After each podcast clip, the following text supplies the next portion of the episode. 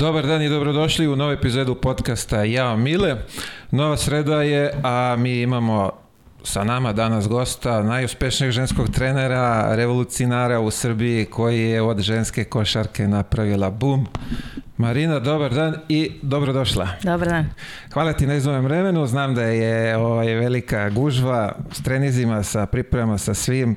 Potrudit ćemo se da idemo Šta bi se rekao? Brzo što, i efikasno, da. Brzo i efikasno, da. Kratki i brzi odgovori tačni. Uh, kako si, kako si, kako provodiš ovo leto? Kako si u stvari provela ovo leto? Radno kao i svako. to svi, verujem, kažu koji su ovde, sve moje kolege. Uh, kako, kako može da bude odmor uh, kada za neko ko je selektor reprezentacije kluba već dugi niz godina od 2011 ja sam jedno jako kratko vreme, ono 2016. do 2018. kad sam imala pauzu s reprezentacijom, ajde da kažeš bila samo s klubom, inače sve vreme i klub i reprezentacija mnogo, mnogo posla, odmor praktično nemoguće. Uh, verujem da da bi ovaj, sve to funkcionisalo, ti moraš dobro da to isplaniraš sve, da, da budu planovi onako na, na neki duži period pod, pod konac, sve mora da se zna unapred i to je jedan sistem gde baš zbog svih tih nekih stvari, zbog jedne vrhunske organizacije, stvarno svih ljudi oko mene koji mi pomažu, a, to sve evo, do sad je svih ovih godina funkcionisalo na pravi način i naravno pričamo o reprezentaciji pre svega ono što ljude ovde najviše zanima, ali ista je situacija i u svim klubovima gde radim bilo gde na svetu. Uh, u reprezentaciji je smena generacije. Uh, sad smo dotakli malo pre nego smo krenuli ovaj, o, oko toga. Kako to izgleda sad? Uh, mislim, dolaze nove devojke koje, aj kažemo, nemaju iskustva, prvi put su tu... To izgleda ovako. Uh, stari smo samo uh, grb i ja. pa ne, ma, šalim se malo, ali, ali sve novo, zaista je to potpuno nešto novo, to nije, znaš imamo one smene, male smene, a imamo i onu totalnu veliku smenu kad se sve menja. Um, kažem, u onom momentu kada su svi očekivali da definitivno posle Valencije i Tokija ovog leta, posle zlata u Valenciji, tog četvrtog mesta u Tokiju, da ću ja da kažem zajedno sa tom nekom generacijom mojom pod znacima navoda koja je osvajala velike, velike stvari, da ću i ja da odem sa klupe, međutim iskreno a,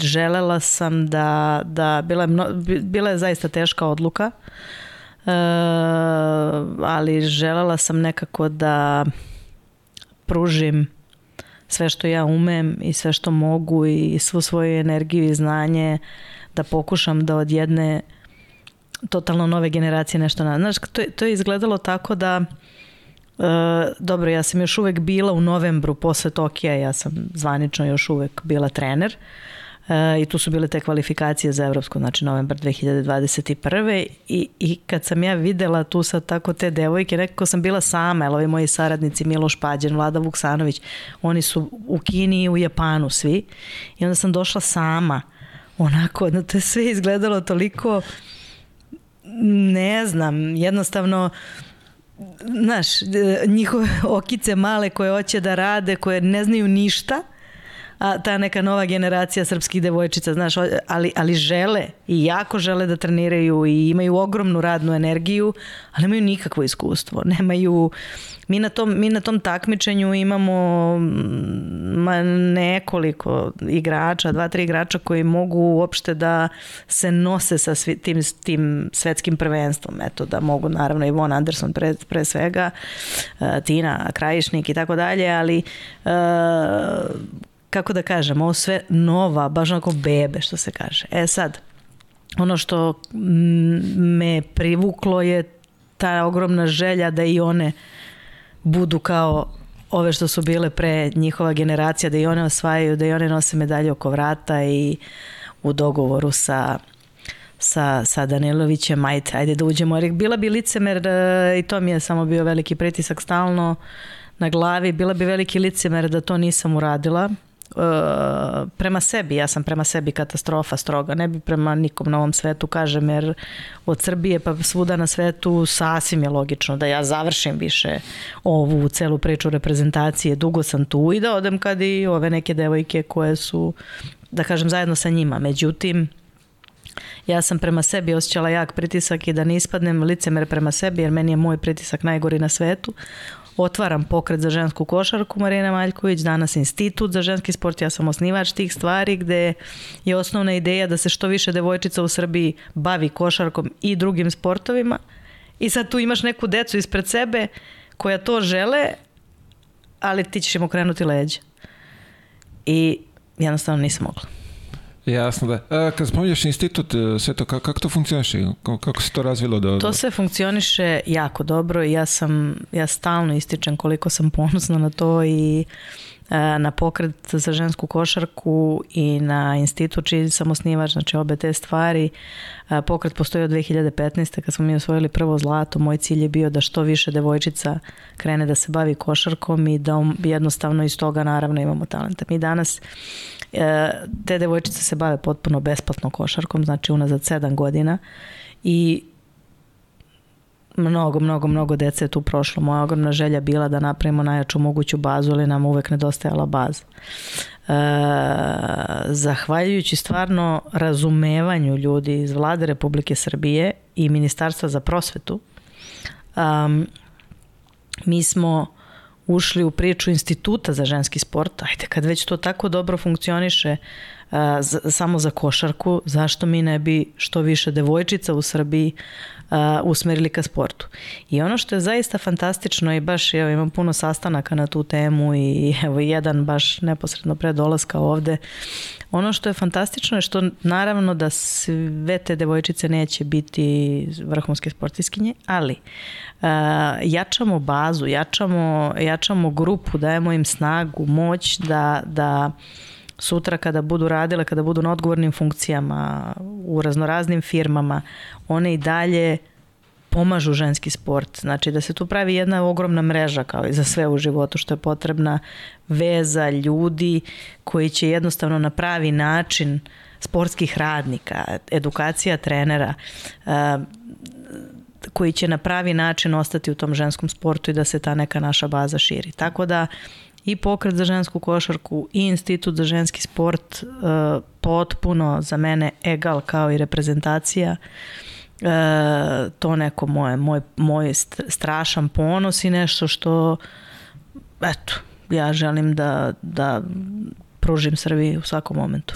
I vidiš, sad kad si rekla, drago mi je da, da imaš podršku svih, svih tih institucija i želim ti u veliki ovaj, uspeh u tome, jer neko, moje mišljenje da, da nama tih, ajde da kažemo, stručnih kadrova u, u kažem, bar u košarkaškom ovom sektoru fali edukovanih ljudi koji znaju, jer već moje mišljenje je da ova starija generacija da, da, da su da ih je vreme malo pojelo, da treba dođu novi sa, sa nekim malo širim vidicima i da, da, da pokrenu to da bolje funkcioniše. Mm, ja sam vrlo srećna što je to tako, jer nije jednostavno ljudima koji pre svega mi imamo i ljude u državi koji vrlo sva sreća, koji vode državu, koji vole sport, ali drugo, opet ima i dosta naravno ljudi koji, kojima sport nije blizak, ali e, su savršeno razumeli poruku tog, tog pokreta i instituta. I ono što je vrlo važno i ministarstvo, ministarstvo prosveta, ono što je vrlo važno, nama je, nama je e, kako bih rekao, uh, tim menadžer reprezentacije, vaš kolega Ilija Kovačić, nama, uh, sport u celoj toj priči je samo lepak, znači de, de, devojčice kada dođu praktično na naš trening, mi im pružamo edukaciju kompletnu, znači kroz sport mi ih učimo mnoge druge stvari. Znači imamo tim doktora, psihologa, raznorazne ljude koje, koje drže predavanja stručna i tako dalje. Znači usko je vezano za njihove, njihove navike, za njihovu školu, za njihove ocene i tako dalje. I naravno u sportu svemu tome kao nešto što je jako pozitivno i svi mi želimo da da, da što više dece naravno se bavi sportom. Tako da ovo je jedan jako, jako fin model i ja sam ponosna što, što, što i sve druge zemlje gledaju to sa, sa onako Da vi imate nešto što niko nema i zaista je ta slučaj. Nema svi u, u godinama kada su velika ulaganja u ženski sport, u godinama kada su velika, kada je to da kaže moda, kada je to trend, to mi radimo nešto, mi imamo jedan sistem, već dobro poznati sistem koji gde ljudi tačno znaju i sportskih radnika i trenera i dece koji gde svi znaju šta, šta rade i onako to zavide, mogu vam reći mnoge zemlje na tome. Neka zavide, ja ti želim veliki uspeh u, u tom projektu, da to bude ovaj, jedan neki, kažemo, model za, za pa posle neki Evropa krade od nas kako treba. O, ovaj, uh, se malo vratim samo vamo za, za reprezentaciju. Uh, pomlađivanje u pitanju. Uh, da li one, da li su one svesne, jesu pod pritiskom uh, te sad, kažemo, mlađe generacije koje si okupila ovih prethodnih rezultata? Mislim da imaju jednu dobru stvar što je teško generalno kod svakog sportiste da, da, da onako teško je da posjeduje to, a to je jedna realnost svog znanja ili ti neznanja, svog iskustva ili neiskustva. Uh, jer u onom svetu gde svi misle da su naravno najbolji, gde to, ajde da kažem, generalno mišljenje, mišljenje za sebe misliš da si najbolji, da si bolji od drugog, ovo nisu takve, takve glave. Ovo nisu takve glave a, i kažem, baš, baš zato sam želela eto, da im se malo posvetim i da napravim od njih a, ne samo košarkašice, jer meni je uvek bitno da se sve ovo što je off the court ili ti van terena, da i to sve bude da to sve bude zdravo i da to sve bude na, na nekom nivou. Tako da, kažem, kao i što pravimo sa tim, sa to, tom sasvim malom decom kroz pokret i kroz institut za ženski sport, tako i naravno sa, sa, sa reprezentativkama Srbije. Znači da su to devojke koje uvek znaju da se ponašaju na svakome. Znači one prolaze jedno vaspitanje. Eto, to je vaspitanje, je prava reč. E, ove imaju, ove imaju, ja mislim, tu svest o tome koliko ne znaju, koliko uh, sve to, koliko su sjajne stvari uradile, koliko uradila generacija pre njih. Um, i, I onda su ono, što se kaže, znaju da im je samo rad i ogromna količina treninga jedina šansa. I jednostavno su ono, sukale rukave i teren krenule da rade i to je to. I to je sve što i treba da se dešava. Bravo. Uh, imamo li mi naslednike nove Sonje Vasića, Ane Milice Dabovića? Teško je to da se kaže, u ovom momentu kažem, zato što oni, one, uh, pa, hajde ovako, prosto, 2015. kada smo osvojili to zlato, bili smo potpuni outsideri, bili smo potpuni outsideri u Valenciji. Uh, prošlo leto, iz dva različita razloga, ali ajde da kažem evo taj 2015. Te devojke kad su bile u punoj snazi prethodna generacija, Sonja i ostale, Daniel Page koju niste pomenuli, koja je izuzetno važna karika tog tima, bila, uh, sve one ovaj, um, su bile u punoj snazi, u punoj mladosti i nisu nas poznavali, i, a s druge strane one su, pa smo bili outsideri, E, i napravili smo to prvo veliko čudo u 2015. u Budimpešti sa, sa, sa osvajanjem zlata, ali ovaj, one su tad imale ozbiljne minutaže u svih tih 12 devojaka u nekim evropskim klubovima Mislim, mi smo iz košarke, svi znamo šta je to, da, nema, da. nema tu laži i prevare. U, u da kažeš, ozbiljnim sredinama su imale ozbiljne minutaže danas spisak kada se pogleda, zato kažem, ali ove devojčice, kako da kažem, znaju to e, ne, zan, ne, ne razmišljaju puno, totalno su usmerile tu glad za radom i ja bih rekla i da se ne opterećuju puno, iako naravno ne može da se eliminiše taj veliki pritisak da, da, da. od prethodne generacije, ne može se izbriše, niti to iko želi. Uh, Uh, nego ajde da kažem to treba primiti kao nešto lepo i ajde sad sam tu ja danas i nisam u idealnoj situaciji igra, tek poneka igra u nekom vodećem klubu, ajde da kažem, jedino dan, na današnji dan Ivon Anderson igra u prvaku Francuske u Buržu. Uh, I po par igračica, evo, ajde, još su ono što se kaže prelazni rokovi, to je te neke teme, ali ali je to sve vrlo slabo naspram nekih igra i 3-4. To je sve vrlo slabo naspram 2015. Tako je, tako je. gde 12 devojaka Eto, bila je jedna mlada i onako da kažem, mlađa koja je bila igrala možda u Srbiji ili dve, a deset devojaka imalo ozbiljnu ulogu u Euroligi ili u Eurokupu u svojim klubovima po Evropi. Tako da velika je razlika i kažem još jednom, uh, totalna smena generacije. Dobro, Ali to mene motiviše. To ću da kažem, tu si, motivišete, brusiš nove talente i nadamo se ovaj, dobrom uspehu bude to kontinuitet neki opet, sad zavisno od tebe kako će to sve da, ovaj, da izgleda. Uh, da se malo prebacimo samo na, na Fenerbahče. Uh, ja kog sam malo ovaj, aj kažemo, istražio i čuo, uh, poslednje dve godine uh, oni su organizovali Final Four, jel tako, da bi osvojili tu... Poslednje, da. No, po, ono što je aktuelno je i za mene bitno, to je, to je sad ovo što se dešavalo u aprilu mesecu mart, april mesec, da oni su organizovali da bi osvojili. Uh, ja sam još uvek ja sam bila u Japanu, mislim, ba ta priča je baš onako, baš, baš, baš specifična. I gde su oni kad su izgubili od Šoprana, da igra naša Jelena Milovanović, Steva Karadžić je tamo isto dugi niz godina ovaj, u stafu, uh, to je bio smak sveta. To je, to je, to je, to ne, ali bukvalno smak sveta. Ono što je loše je što taj, znači izgubili su mnogo veliki novac organizacije, prethodno su Šopran, znači tu istu ekipu s kojom su igrali u finalu dobili dva puta valjda. Ja. Jeste. E, došlo bi u Ulker areni gde igra i muški Fenerbahče, bilo je popunjeno do poslednjeg mesta, znači jedno fantastično navijanje za, za žensku košarku, za sve spektakl.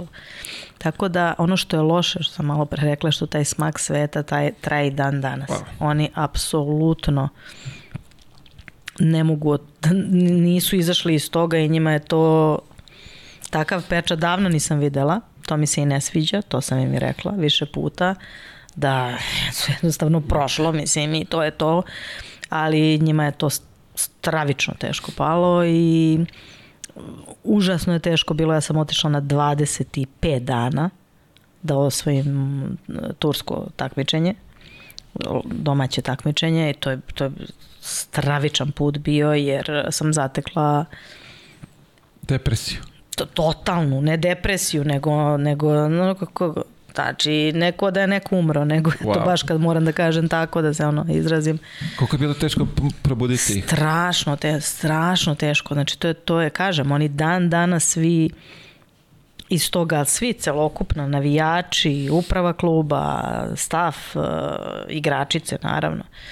Tako da, eto, nešto, nešto sam probala, hvala Bogu i uspela za, za, za to prvenstvo da, da se osvoji bar tursko prvenstvo pa da nešto započnemo sa nek, nekom pozitivnom vibracijom ove pripreme za narednu sezonu i da nema tu šta, da, da, da naredne sezone pokušamo da uradimo Kako si nešto. to sad ispričala, meni se čini da si ti samo tamo držala motivacijone govore da ih probudi, da, da, da, da se osveste. Veruj mi da je bilo ljudi koji, koji, koji su oko mene, a i naravno ljudi iz Fenerbahče, iz kluba, uh, bukvalno je bilo 25 dana sa minimalnim spavanjem jer, jer tu je svašta moralo da se menja, naravno ne možeš sve da promeniš, Uh, tako da, da je to da konstantno bilo razmišljanje da se napravi dobar, dobar balans šta promeniti, šta ne, na koji način tako dalje, tako dalje, tako da zaista, zaista teško i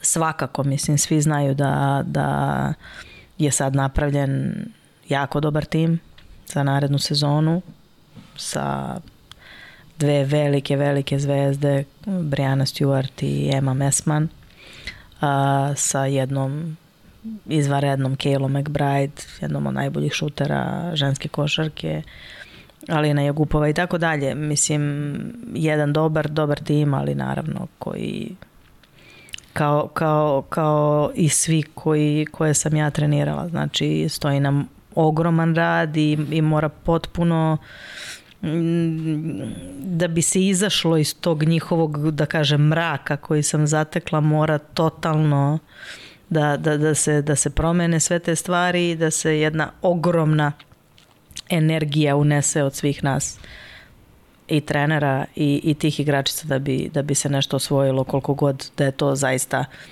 briljantan i zvučan tim za narednu sezonu. Pa, uh, poznajući tvoje sposobnosti, ne, snuvam, ne sumnjam ovaj, da, da ćeš ti to ishendlovati sve kako treba, ovaj, pa na kraj sledeće godine da se raduješ triple kruni. Radit će se. Radit će Daj se. Bože.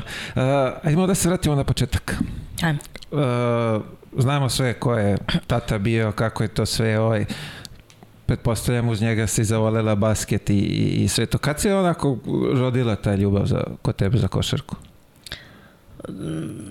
Ja sam od malena, ja sam od jugoplastike išla na, na treninge e, sa Sretom, Duškom Ivanovićem, Kukoč Rađa i, i svi ostali tamo, Peras, Luka Pavićević, znači ja baš sam bila mala, mnogo mala, koliko sam ja tad imala, 5, 6 godina, 7, 8, eto, taj, taj neki period.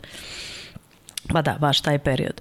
Polazak u osnovnu školu u Splitu i od tog momenta naravno pa ovaj, nadalje ja sam zaista zavolela košarku, intenzivno je pratila, trenirala, e, pratila što se tiče naravno muške košarke, Euroligu, Eurokup, znala sve igrače, jednostavno zavolela sam košarku. E sad, i, i krenula sam da treniram. Ali ovaj, e, ovo što se tiče samog trenerskog posla, to je došlo dosta kasnije. E, posle bombardovanja uvek je ta ista priča. Evo, ja sam, e, brat je bio u Parizu, moji su, oni studiraju u Parizu, moji su otišli u, bože, posto trener Malage, u Nikahje. A ja sam završila američki high school i naravno imala silne ponude logične da, da idem u Ameriku da studiram, ali toliko, toliko me poremetilo to bombardovanje i cela ta situacija da je tu bio kraj. Ja se vraćam za Beograd, ja sam sama došla u tom momentu, eto, 17 godina. Su roditelji znali da se vraćaš? Da, da, rekla, ja sam im rekla, ne idem nigde, trebalo. Pensilvanija, univerzitet, psihologija, studiranja, ja idem nazad i to je to. I to je kraj, jer eto, toliko, ne znam, na mene je to onako baš nekako ostavilo utisak. Ja sam stalno, iako sam od pete godine van Beograda, ono što je potpuno specifično je što sam i hvala Bogu što je tako i na tome sam najviše ovaj, zahvalna roditeljima što su me konstantno a, slali u Srbiju ali konstantno. Znači ja sam išla u francusku školu, u američku školu, nije važno, ili u britansku školu u Barceloni još. Uh, oni su čak, oslobode me škole. Dve, tri nedelje, ajde, uh, mogli su, jer nisam baš bila tako loš djak, naprotiv. Pa nije bilo problema da se dogovore sa profesorima i da kažu, prosto uzimaju me iz škole, dve nedelje, Beograd, op, Beograd. Tako da sam ja stalno ljudi se smeju, ali ja sam iz bloka, ja sam ono, Novi Beograd priča i to svi znaju, ono, moji, moji prijatelji. Ja, sam, ja nikad nisam gubila nit sa svojim drugarima iz kraja.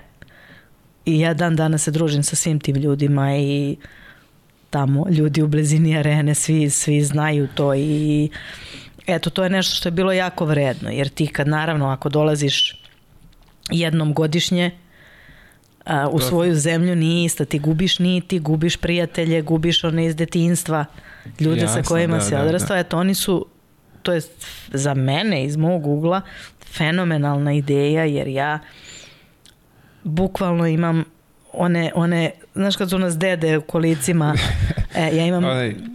Jeste, ja imam drugare iz tog perioda i to su moji danas pravi prijatelji.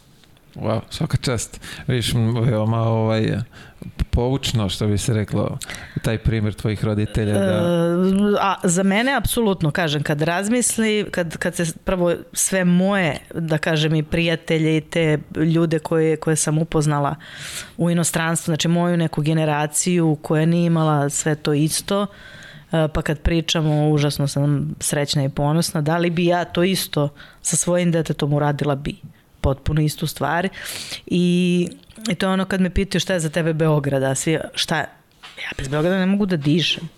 Ja ne mogu da dišem bez Beograda. Beograd je moj grad i uvek će biti moj grad i ja o, isto, svi znaju da koliko obožavam Francusku i da je to neka druga zemlja gde se ja osjećam svojom i na kraju krajeva imam i pasoš i stvarno je to tako, nemam tu, nemam tu potrebe šta da krijem. Ovaj, Beograd je za uvek broj jedan i mogu da budem u Parizu koliko god, ali postoji jednostavno u, upravo to ako sam negde, ma dva meseca maksimum, ja moram doći kući. Ja moram doći u Beograd. I tako sam odrasla i sasvim je logično. Uh, I kroz karijeru, ono, bar kroz moju koliko sam prošao, lepo je, gde god odeš, lepo je odeš da radiš, ali taj moment kad se približava ono da se završa sezona, da se vraća kući je, to, to ne može da se opiše. Svi mi znamo, uh, znaš i sam i, i, i svi znamo, znaš, svaki put kada, kada dolaziš u Beograd, ono, uf, lepo je, lepo je, da li si na aerodromu ili si došao kolima nekad od nekud, jednostavno, i to uči mi košarkašice, ovo je tvoja kuća.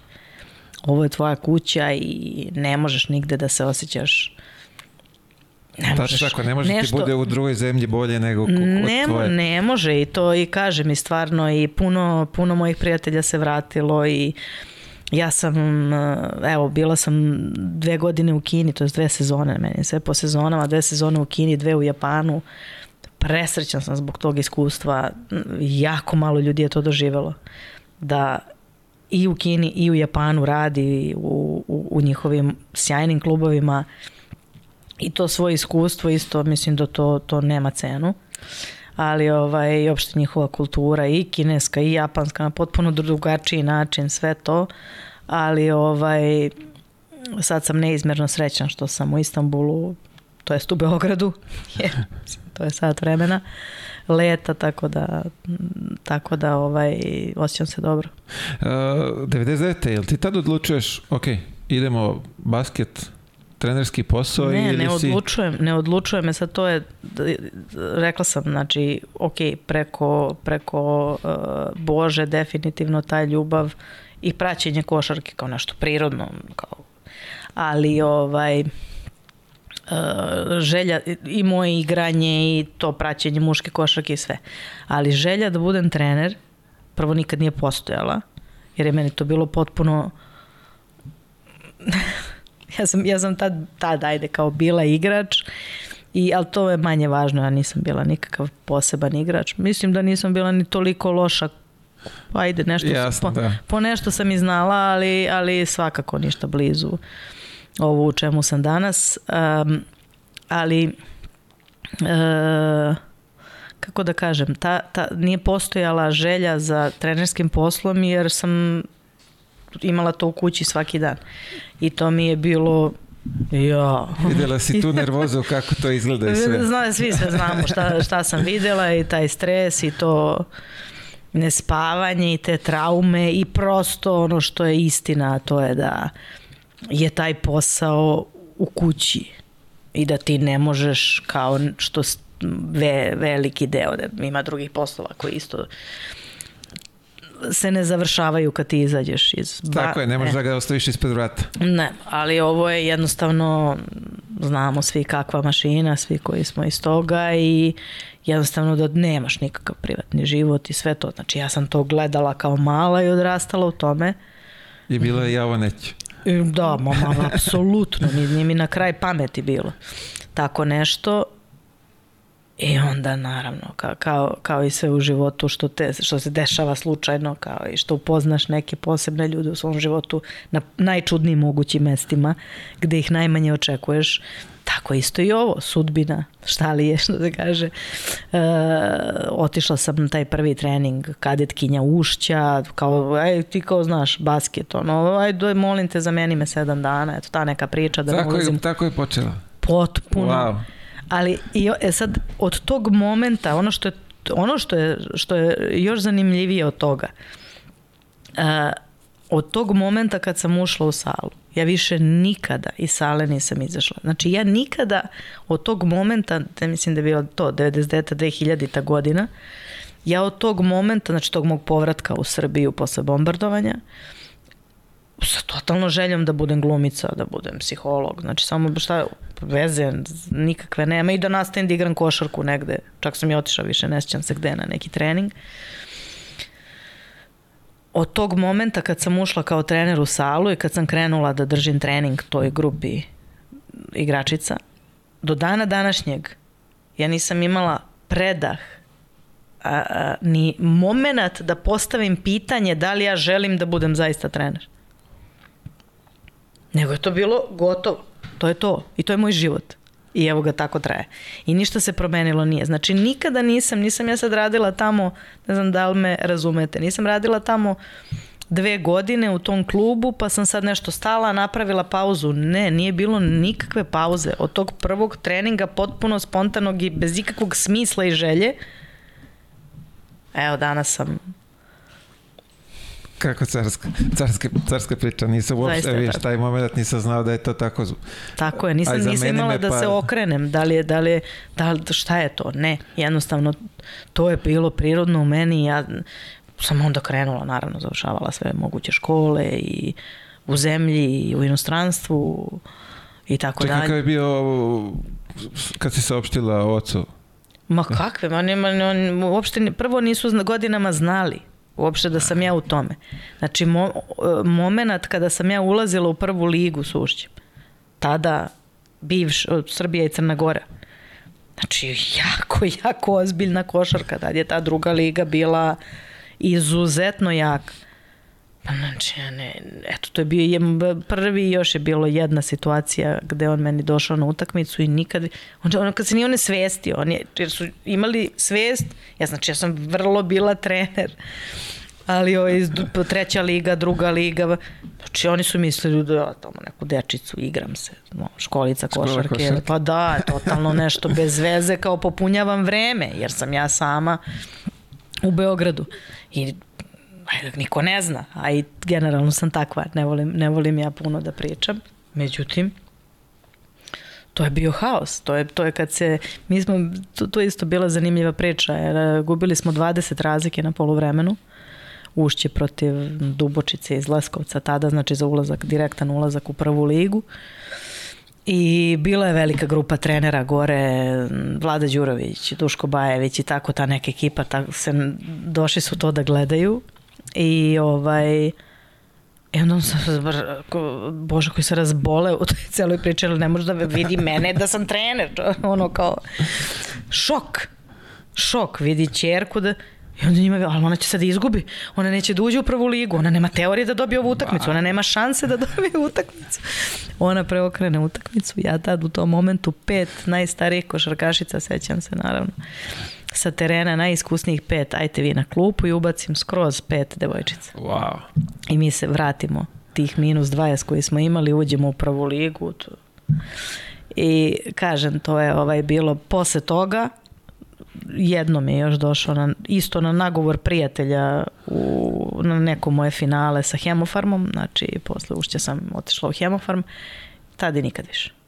I nikad više, ne jednostavno apsolutno ne može, kao što moja baka, njegova majka njega nikad nije mogla da gleda, ali to znaju ljudi Jasno, koji, koji da, su da, u tome, da. evo, Danilović se muči da isto da gleda svoje troje dece koji su divni, Olga, Sonja i, i, i mali Vuk isto ima jako velike muke. Gledala sam njega dok kako isto ne može da... To su sve neke normalne stvari. Kad ti znaš kroz šta tvoje dete prolazi. Mislim, to... Jasno da, on je sve kroz to prošao milion puta i sad gleda tebe, I nije, nije mu da dobro. Da. I, apsolutno, a ti znaš da si ono što, što bi rekli stručnjaci, trener u momentu utakmice na ivici infarkta, mislim, realno. Tako je, wow, wow, fantastično. Uh, jesi pitala ga posle, kad je, kad je saznao za to, jesi pitala za neki savet, jel ti dava neke, ovaj... To je ono stalno pitanje. Uh, odgovor je taj da on je apsolutno, apsolutno smo, kako da kažem, odvojeni u svemu tome. Znači, oni od tog momenta, od tog samog početka pa nadalje, znači mi nemamo nikakvu, jednostavno, takve smo ličnosti. I tu nema, da li ima, košarka je stalna tema, košarka je nešto o čemu se pri kako. Sad sedimo kući i ne pričamo o čemu pričamo, ne pričamo o košarku.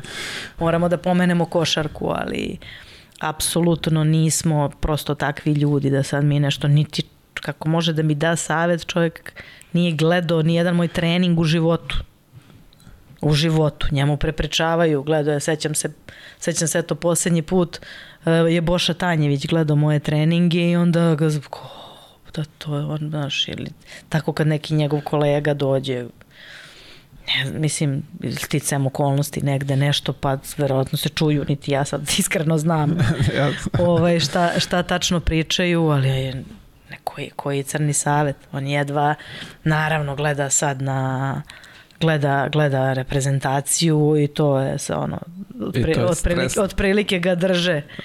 Znam da je Vlada Kostić čuveni ovaj kum i, neurolog, ono, ne, znači da ga je držao baš te 2015. kad je gledao utakmicu i tako. Tako da, mislim, svi to razumeju koji, koji, koji su sve familije koje su imale neku, neku sličnu priču.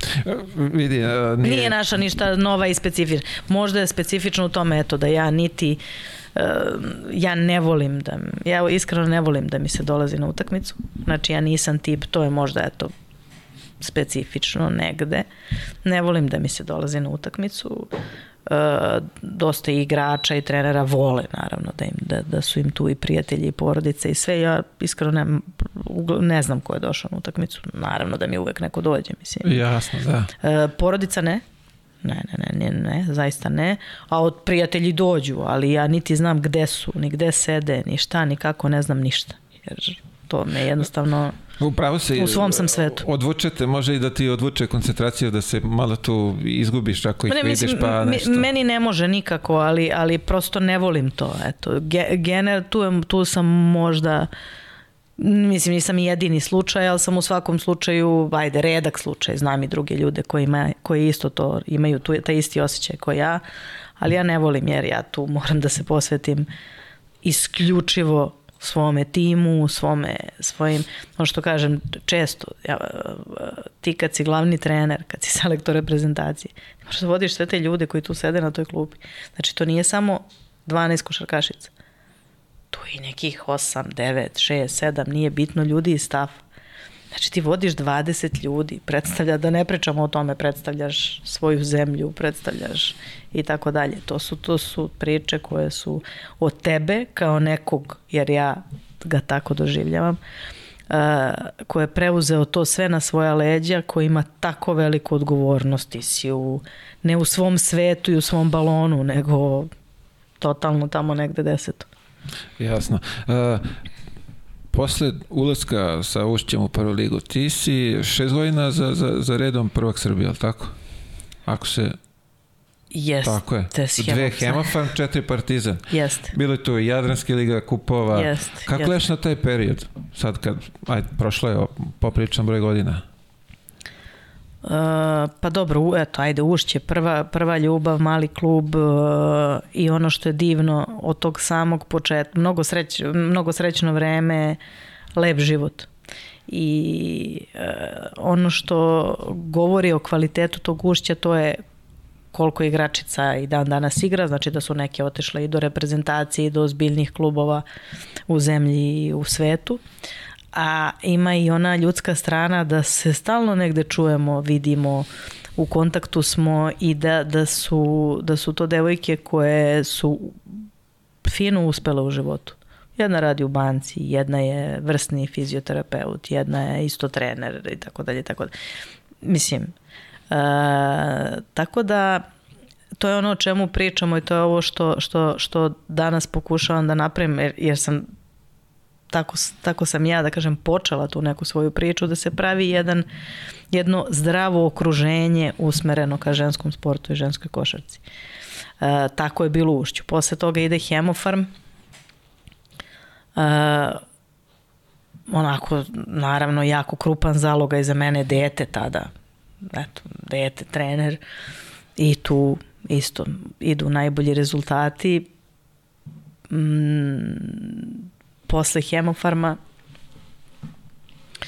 e, mislim, klub za koji navijam i koji volim i koji u tom momentu, to je isto jedna partizan potpuno specifična priča bila, uh, jer 24 godine partizan nije bio prvak u ženskoj košarci, u tom momentu su postojali svi oni rezultati, znači pričamo o 2008. 9. 10. 9. 10. pre uh, svi rezultati muške ekipe i tako dalje, a ženska ekipa 24 godine nije ništa osvojila i uh, ta titula je to toliko specifična isto. Znači kada nego se o njoj ne zna i malo se tad je tek počela ženska košarka kod nas da kažem na pravi način da se prati i onda iz Partizana taj kostur Partizana bio reprezentacija posle i svi uspesi reprezentacije. Ali recimo taj trofej to je potpuno nestvarno bilo. Ili Hemofarm u tom momentu bio uh, duplo moćniji od nas, mnogo moćan. Ja sam otišla iz hemofarma, mi ovde ništa nismo imali stabilno, to je ono klasična bila opet ogromna ljubav prema Beogradu i prema, prema Partizanu, da kažeš. I eto, četiri godine u Partizanu prelepe iz, to, iz te snage, iz te, tog ogromnog rada tu uh, je krenula reprezentacija Srbije. Znači, bile su devojke koje su igrale po inostranstvu, ovo što sam rekla malo pre, ali je kostur ekipe, ona leđa, ona, ona što, vrlo važ, bez čega ne možeš, Jasno, da. je došlo iz Partizana. Uh, odatle ti seliš se za Francusku, je li tako? Selim se za Lyon, tri godine ostajem u Lyonu. Mislim, to je, rekla si malo pre tvoja druga kuća, tako Apsolutno, da... Apsolutno, da. Ali to je, to je isto došlo slučajno, jer uh, oni, su, oni su u stvari pratili 2013. Nije bilo isplanirano, da kažem, nego su oni 2013. pratili s pažnjom Evropsko prvenstvo, gde smo mi osvojili četvrto mesto. Uh, tu je krenuo taj uspon. Kvalifikovali se posle tako 11 je, godina. Je, da. to, iskreno za žensku reprezentaciju, eto, napravili su na jedan divan film, ali to je bilo i do, pre ovog zlata u Valenciji. Nadam se da će se morat još pisati. Morat će, će ponovo, ponovo i da se... bolje, detaljnije. Jako, jako je zanimljivo jer imamo neke podatke koje stvarno te devojke šta su osvojile, osvojile i šta smo uradili od tog samog početka. Znači 11 godina već sam i zaboravila i ja cifre. Se nis, ekipa se nije kvalifikovala na evropsku. Znači ženska da. reprezentacija da. Srbije 11 godina. Mi smo se za 6 meseci praktično kvalifikovali. Pa onda, pa onda taj prvi euro, znači to 2013. godine, 2012. smo se kvalifikovali, ja sam 2011. postala selektor, 2013. je bilo to evropsko prvenstvo u Francuskoj i da dam odgovor, Lion je tu mene posmatrao na Oni su čuli za mene da pravim neke uspehe u Srbiji, šest godina za redom i tako dalje. Gledali Eurokup, mi smo bili jako uspešni u Eurokupu s Partizanom, ali im je to bilo odlučujuće mislim bar po njima, jer su, mi kaže, mi smo došli uživo da te gledamo, jer se održava u Francuskoj i da, da te vidimo live, što se kaže, na samom terenu i tri godine sam bila tamo, isto prelepe, prelepe godine. Ono što je svaki moj klub, šta je važno, svaki moj klub definitivno mora da ima ogromno razumevanje da sam ja selektor reprezentacije Srbije. I stalno ističem i zaista im hvala na tome. Ja, svi znaju da ja sve svoje klubove i danas Fenerbahče, dva, dva puta Fenerbahče ovog leta dovodim, veliki Fenerbahče u Srbiju na pripreme. Dva puta. Wow. Tako da i tako svaki moj klub od Liona pa nadalje. Znači svi su imali ogromno razumevanje i Kinezi, i Japanci, i Galatasara i svi. Tako da eto, tri prelepe godine u Lionu, to je danas, to, danas je to klub koji vodi Tony Parker. Znači, jedan od dva najboljih. On je uzeo i ženski klub. On, on ženske prati više nego muški. Da, wow. Tony Parker, brat mu vodi mušku ekipu, a on žensku je posvećen, e, pa naša Aleksandra Crvendakić je ove sezone igrala Tako je, tamo. da, to sam vidio, da ove godine su prvaci, da. Da, da, da, tako da, ovaj, e, tako da zaista fantastična sredina Lyon, najlepši grad posle Pariza i tako. Onda odlazim u Galatasaray. Iz kako, si, kako si videla u tom momentu Tursku ligu? Pa me, za mene su uvek Turska i Franska u ženskoj košarci lige koje ne mogu se porede ni, mislim, bila je Rusija jaka u nekim momentima, Španija, ali ako gledamo po kontinuitetu e, najjače ligi po broju jakih timova, to je za mene uvek uvek su te dve lige se maksimalno i to je tako i dan danas. Samo što će Turska liga ove godine biti nikada jača. Nikada jača nije, nije bila Turska liga, nego evo ova sad imamo vrsne klubove, Čukurova, Galatasaraj pravi vrhunski tim i u muškoj i u ženskoj košarci i tako dalje, mnoge druge ekipe. A to je, izvinim samo da se dođem, ima to, ja mislim, veze i sa Rusijom, sa Ukrajinom, pa da su veliki pa, broj američkih igračica ovaj, Jeste, mislim ima, ima i sa tim, ali, ali kažem, ako gledamo, Turska i Francuska liga su za mene uvek bile naj, najjače i uh, jednostavno opet tu mogla sam da ostanem još duže u Lionu, međutim uh, ja tako reagujem. Postigo je poziv od tad velikog Galatasaraja, to ne, nemojte negde da ne smemo, ubiće me.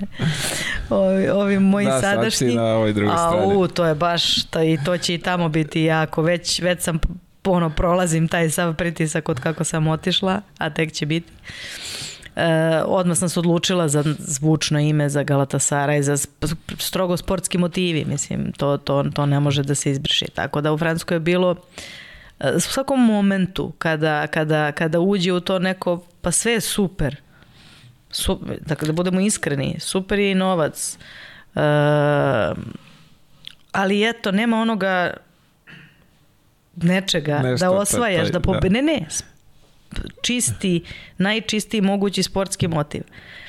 Ne, kad, kada toga ne, moramo još, mora više, ima ona stalno kažu, eto moja, moja, uvek može još, uvek može više, uvek može bolje. I zaista je tako. I zaista je tako. Znači, u svakom momentu pobeđuje kod mene samo ta sportska, ta, to ludilo, ta borba, ta strast za pobedom. Tako je bilo iz Liona u Galatasaraj, pre, moj prelazak tamo. Tako je, znači, jedan mir, jedan lepota na kraju krajeva države, grada koji obožavam kao što ne krijem. Tako isto i sada u Japanu. Znači, iz, iz nečega što je najiskrenije, vrlo moćno i finansijski one su uzele, one su uzele srebro u Tokiju, znači to je tamo izuzetno interesantna liga, sve, sve, sve, jedan mir za život u kome ljudi mogu samo da sanjaju i mene zove Fenerbahče i, Vučete nešto i, izazovni. I, i, i jeste, ja ulazim u taj mrak i u taj haos u, u ta, tih 25 dana da se osvoji ta titula. Et, eto, tako sad, ajde opet da se vratim na znači, Galatasaraj. Osvojili smo 2018 Eurocup. To mi je onako jedan, naravno, isto vrlo, vrlo drag klubski trofej. Uh, I posle toga Kina i Japan, koje sam malo pre... Da vidimo Kinu, molim te. Iz Galatasara je bila Kina. Tako je, daj, do, dočaraj nam, kako to izgleda? Ovo što znamo, muške košarke, nenormalne cifre, najbolji NBA igrači se dovode. Kako to izgleda u, u ženskoj košarci? Isto. Samo još mnogo jače. Wow. Mnogo jače, zato što... Čekaj, NBA igračice dolaze tamo ili? Evo ovako izgleda. Znaš kako to izgleda? Ja tebi malo na vi, malo na ti, nemoj da mi zameriš, ja nemam, ja obično vičem vin, ali pošto smo iz istog sveta i, i znam da i tebi i meni, uh, ali nemam, nemam, uh, volim da kažem vi naravno. Um, u Kini, tako su oni meni objasnili prvi dan kad sam ja tamo došla, uh, se napišu koji, je, koji ih ima 18 klubova u ligi ženskih u Kini. Prva ženska liga, 18 klubova, stavi se 18 najboljih svetskih igračica. Napravi se neki sastanak njihov, okrugli 100, to je 18 najboljih svetskih igračica. Po nekom njihovom rangiranju? Najboljih, nema, po, mislim ono, da, po, po rangiranju. Okay, okay. To su naravno američki igračice. Jasne. WNBA igračice. Jasne. Jel tako? I onda oni uzmu i kažu, čak i taj da kažem, ja mislim da je i naredba, ali ti ideš u taj klub, ti ideš u taj klub, ti ideš u taj klub, ti ideš u taj wow. I podele u svojoj ligi, naravno sa novcem, to apsolutno mogu. Jedan stranac samo u pitanju ili ima Samo jedan stranac, samo jedan u žensku, u muškoj ima više, zato kažem, u, žen, u ženskoj ligi, Kina, najbolje, najveće sve svetske zvezde, Maja Moore, Brianna Stewart, Liz Cambridge, s, mislim, s, ogro, Natasha Howard, sve su igrale u Kini, naravno. Jako ko, redko ko ih odbije, tu onda ide manje dobra, ali opet po najbolja. I to su jednostavno takve cifre koje ne mogu apsolutno da se porede sa, sa, sa bilo čim. Ni Evropom, ni WNBA-om, ni... Da to kažem, jako redko ih neko odbije. Tina Jasno, Charlesa, da. svi, mislim, eto, cela američka ženska reprezentacija I u Kini. une, praktično je bila, je bila do pre korone i svega ovoga, ali sad to stalo skroz. Bravo, bravo, bravo. Sad, se, sad su oni ukinuli. A reci mi kvalitet domaćih igračica. Mislim, ok, ti dovedeš najboljeg igrača Kini. sveta, tako je. Uh, a naravno, uh, oni su, oni su mnogo, mnogo su ispaštali. Sa mnom je i bila priča da, da a, s obzirom da su čuli, naravno da su prati kad sam ja otišla tamo, zato i meni to bilo interesantno. Šangaj, koji je definitivno najlepši grad tamo i ajde, naj, naj, naj, za mene kao i za mnoge druge. Um, oni su želeli da, pošto su ispaštali zbog fantastičnih zvezda, svetskih zvezda koje su imali tamo, naravno lokalne igračice su ispaštale i upravo to mene i tu motivisalo to da idem da, a znaju da sam i u reprezentaciju svim svojim klubovima dizala sve te mlade igrače i tako dalje. Ovaj, to je bio njihov motiv, znači da ja podignem maksimalno te mlade igračice. I onda su oni baš u tom periodu generalno u Kini, eto da kažem od 2018, znači posljednjih pet godina, uh, su radili fantastične stvari i njihova reprezentacija sad evo s kojom ćemo mi igrati prijateljske utakmice negde u septembru, koja isto ide na svetsko kao i mi, za mene je to najbolja reprezentacija. Znači, oni imaju takvu reprezentaciju da je to, to je bilo pobediti njih u Tokiju potpuna senzacija. Potpuna. Ljudi nemaju svest. Njihove dve najbolje igračice igraju u WNBA. Oni sada, oni su sada, znači u poslednjih pet godina uradili jako dobar posao, to je poenta priče, radili na lokalnim igračima, nećemo sada, u tom im je korona dosta pomogla, jer su ukinuli i tog jednog stranca, Uh, zvali su pre toga po najbolje trenere Evrope, znači eto kažem, sve se dešava u 5 do 7 godina, uh, da im da naprave od njihovih igračica kineskih igračica nešto wow, da rade sa njima i oni su sada po mom ukusu reprezentacija strašno kvalitetna. To je to, mi ovde nemamo predstavu šta tamo sve ima i kakvih talenta. Mislim na toliko, da kažemo, količinu ljudi. Eto, tako da Kina mm, stvar, mora da se doživi i Kina i Japan. Japan Kako ste ti doživjela, kako je život tamo, kako to izgledalo, hrana, Mislim, oni tamo jedu svašta. Jako, ali... jako teško, jako, jako teško sa, kako god dođe do tih priča sa ljudima oko mene, pa ne, pa stalno, ma daj slike, pa daj, pa ne veruju, pa ma mislim, neverovatna priča. Ja sam uspela i u Kini da otvorim pokret čak i da svake, ma fa, fantastične stvari su se stvarno realizovale u te dve godine koliko sam bila tamo. Ja sam tri svoja saradnika iz reprezentacije, oni su dan danas tamo. E, užasno važna priča u svakom momentu u mom radu je produkcija trenera kao i znači stvaranje trenera.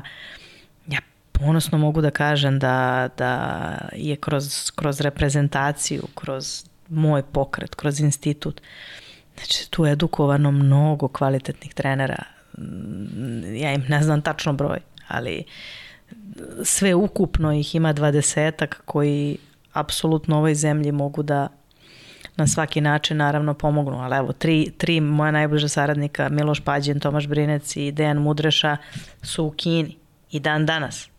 Znači, ostali, iako sam ja otišla, znači, ceo sistem je tamo postavljen u, u, u klubu i Šangaj. Izvini, vode tu pokret ili... Ekip, vode, vode ekipu, ne, ne, okay. ne, vode ekipu iza okay, mene. Okay. Ja sam otišla u Japan, oni su ostali, njih trojica su ostala aha, tamo. Aha. Znači, to pričam sve o stafu ženske seniorske reprezentacije. Njih trojica su ostala tamo. Otvorila sam i pokret. Znači, kinezi su bili potpuno fascinirani pokretom u Srbiji, jer su i oni dolazili po dva meseca na pripreme u Srbiji, Zlatibor, Beograd i tako dalje. To svi znaju. Imali su i prijem kod predsednika u jednom momentu i tako. Mislim, to je sve stvarno bilo na jako visokom nivou. I svaka im čast na tome. Oni, oni imaju nenormalnu ljubav prema Srbiji. To treba da znate. To ljudi u Srbiji treba da znaju. Kinezi nas strašno vole. Ali iskreno nas vole. Mene zovu ljudi svako malo samo da se, jer oni ne mogu sad je poprilično i dalje sve zatvoreno, on, samo kad ćemo u Srbiju, kad ćemo u Srbiju, kad ćemo u Srbiju, oni, oni obožavaju, oni, oni, oni obožavaju, stvarno Jasne, obožavaju da, Srbiju. Da, da. Tako da, e, onda, sam, onda su mi omogućili da otvorim i pokret tamo, tako da sam ja svaki mesec različita dva, tri trenera iz mog pokreta, ali sam zvala i druge klubove, da kome god naravno mogu pomognem, slala na mesec dana. Dva, tri srpska trenera svaki mesec nova idu tamo da rade sa kineskim devojčicom. Svaka Mislim, stvarno jedna onako potpuno fascinantna priča. I dan danas oni hoće i u svim sportovima da sarađuju sa nama i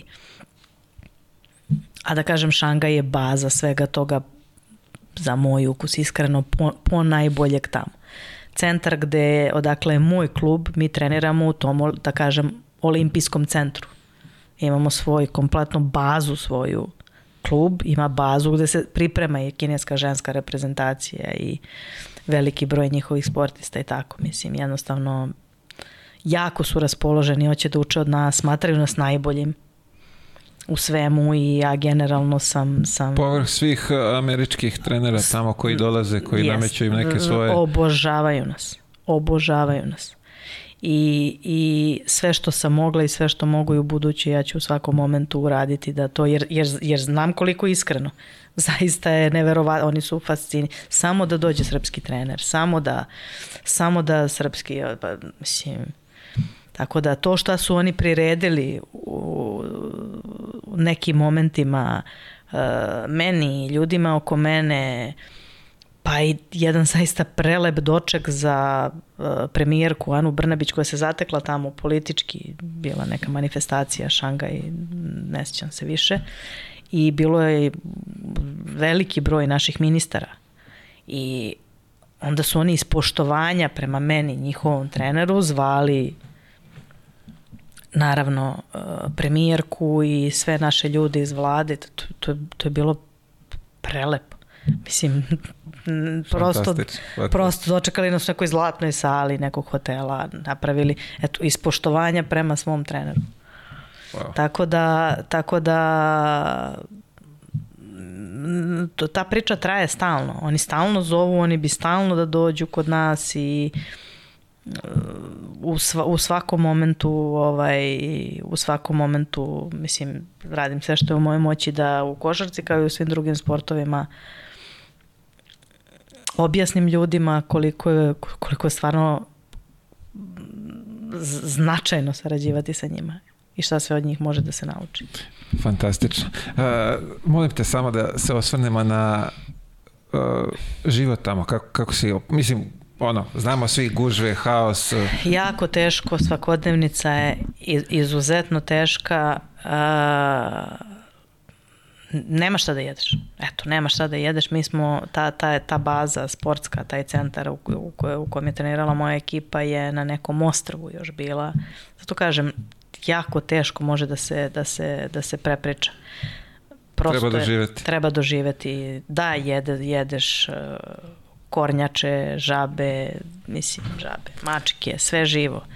A, naravno ne jedeš, znači danima recimo ne jedeš ništa ili jedeš samo voće ili nekad nemaš ni uslova radi načina njihovog života da, da, da bilo šta kupiš i uh, sem, tom, sem Šangaja i centra Šangaja koji je prelep i to fantastično izgleda i, ali na kraju mislim on jednostavno jako, jako teško, ali, ali ta je ta snaga uma koju stekneš ta, na ta, sa tim načinom života je